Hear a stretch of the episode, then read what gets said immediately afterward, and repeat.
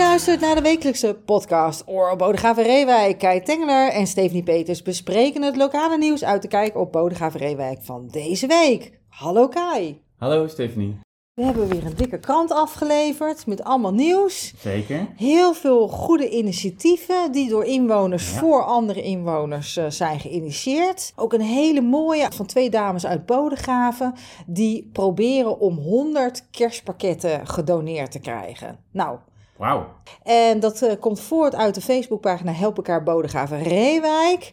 En dat biedt hulp aan gezinnen en alleenstaanden in nood. Dus eh, ze hebben dus al een Facebookpagina waar ze berichten op plaatsen als mensen bijvoorbeeld eh, spullen nodig hebben of boodschappen. Maar ze doen dus ook al vier jaar op een rij deze actie met de kerstpakketten. En we hebben deze keer geen foto van de dames die geïnterviewd zijn, Mhm. want ze zeggen het gaat niet om ons, maar het gaat om de pakketten. Dus deze keer een wat afwijkend eh, artikel in de krant.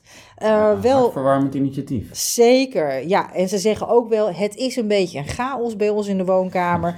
Maar dat is dan maar zo, want het is voor een goed doel. Nou, als je de, de ene foto is keurig netjes gesorteerde tas en de andere is inderdaad wat eh, rommeliger. Het doel van de dames met de kerstpakket is niet om mensen een volle koelkast te geven, maar om de situatie eh, nou ja, te verbeteren. En met hun kerstpakket gaat dat natuurlijk heel tijdelijk. Maar met hun Facebookpagina willen ze dat toch over een langere periode voor elkaar krijgen. En ook dat mensen uiteindelijk uit hun situatie. Maar mooi initiatief.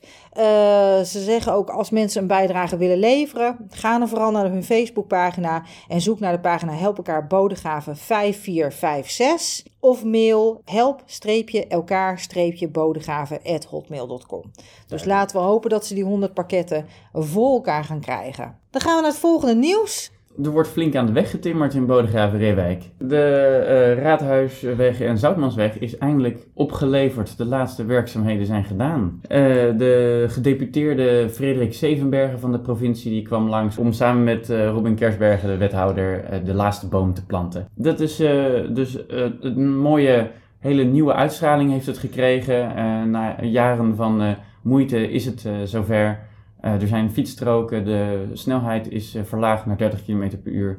En het heeft een dorpskarakter gekregen met dus meer groen en eh vlonders aan het water waar je ook nog even kunt chillen. Ja, en het is geloof ik het eerste project wat gerealiseerd is in het kader van de doorfietsroute Bodegraven-Gouda. Klopt, ja. ja. We hebben ook wat su- subsidie gekregen van de provincie. Daarom was de gedeputeerde er ook. En dat is omdat het onderdeel is van het grotere mobiliteitsproject, zeg maar, de, eh, met eh, zowel fietswegen als autowegen eh, beter bereikbaar Gouwen. Eh, dat eh, gaat dus om een heel gebied ro- rondom de rivier de Gouwen. Dus dan heb je het ook over Boskoop en Alphen en Waddingsveen.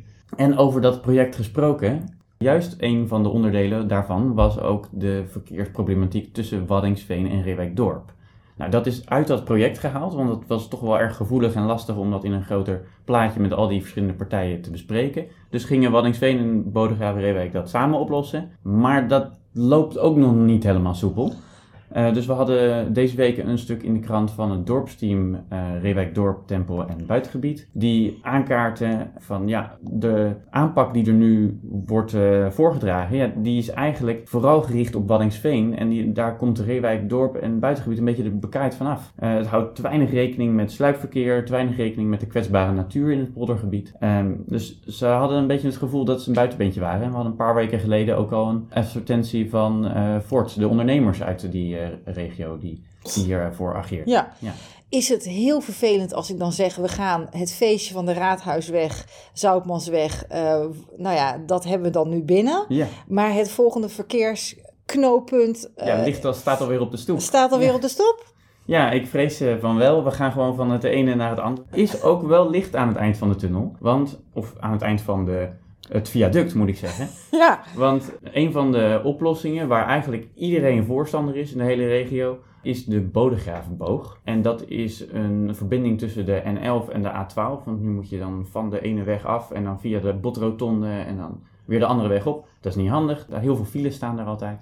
Maar de Bodegraafboog is in zicht, want er is zojuist binnengekomen dat de uh, Tweede Kamer heeft ingestemd met een motie om daar dan echt mee eens aan de slag te gaan. Ja, en dat zou dan binnen drie jaar gerealiseerd moeten worden. Dat zou heel snel zijn. Dat zou wel heel snel zijn, inderdaad. Nou, dan gaan we van de ene uh, verkeersproblematiek uh, naar het andere Treintje, ver middel. Element. Ja, want de opticien in uh, Reewijkbrug die heeft zijn etalage vol staan met En dat doet hij inmiddels al meerdere jaren. En dat groeit en het bloeit. Kent overigens geen verkeersproblematieken zoals in het dorp zelf. Dus dat is wel heel fijn. Behalve dan dat het treintje in vorige jaren vastliep door de stuifsneeuw uh, die is gebruikt uh, in het kersttafereel. Realistische blaadjes op het spoor. Ja, eigenlijk ja. wel, ja, ja. Maar goed, dat is inmiddels opgelost zonder dat er jaren overheen zijn gegaan. Dus dat is heel fijn. Maar uh, het leuke is dat zij dit dus doen. Uh, ja, een beetje voor zichzelf, want dit is ooit thuis bij hen ontstaan, bij Maarten en Judith uh, de Kruif. Inmiddels willen zij daar ook het uh, dorp van laten genieten. Het is allemaal van Lego, toch? Het is allemaal van Lego, inderdaad. Ja, en er zijn zelfs Lego-poppetjes die het logo van de, van de winkel op hun borst hebben staan. Oh, dat kun je dus gewoon laten maken. En ze beginnen dus al in oktober met het maken van de plannen voor de opstellingen en de aanvullingen die ze nodig hebben om uh, nou ja, het tafereel uh, optimaal uh, te maken. En ze hebben ook wel gemerkt dat gewoon heel veel dorpsbewoners een loopje maken, zeker in de coronaperiode, om eventjes bij het kersttafereel te kijken. Dus nou ja, superleuk. Zitten we al een beetje aan de max of heeft het nog meer potentie om nog groter te worden? Het heeft nog potentie. Nog, nog meters aan ruimte. Een paar meter hebben ze inderdaad. Ja. Nou, dan gaan we nu naar de agenda. Er zijn uh, weer een paar leuke activiteiten uh, die we even willen benoemen. Uh, op kijkopbr.nl staat overigens de hele agenda vermeld. Maar woensdag 14 december is er een training omgaan met eenzaamheid. Want ook eenzaamheid is natuurlijk het hele jaar aan de orde, maar met de feestdagen toch nog wel meer. Dat wordt georganiseerd door Sam Welzijn. Vrijdag 16 december uh, spelen de Wanderers uh, Elvis in het Evertshuis. Uh, dus dat betekent lekkere hits uit de jaren 50 en 60. Zaterdag 17 december is de kunstcadeauroute aan de zuidzijde in Bodegraven. ook op zaterdag 17 december is het 25-jarig jubileumconcert van Voices. En zondag 18 december is de kerstsamenzang van Vivace. Dus allemaal leuke dingen te doen. Lekker luisteren. Lekker luisteren. Dit was de podcast van Kijk op Bodegraven Reewijk. Meer nieuws op kijkopbr.nl. Volg Kijk op Bodegraven Reewijk ook op Facebook, Instagram en Twitter. Tot volgende week. Tot volgende week.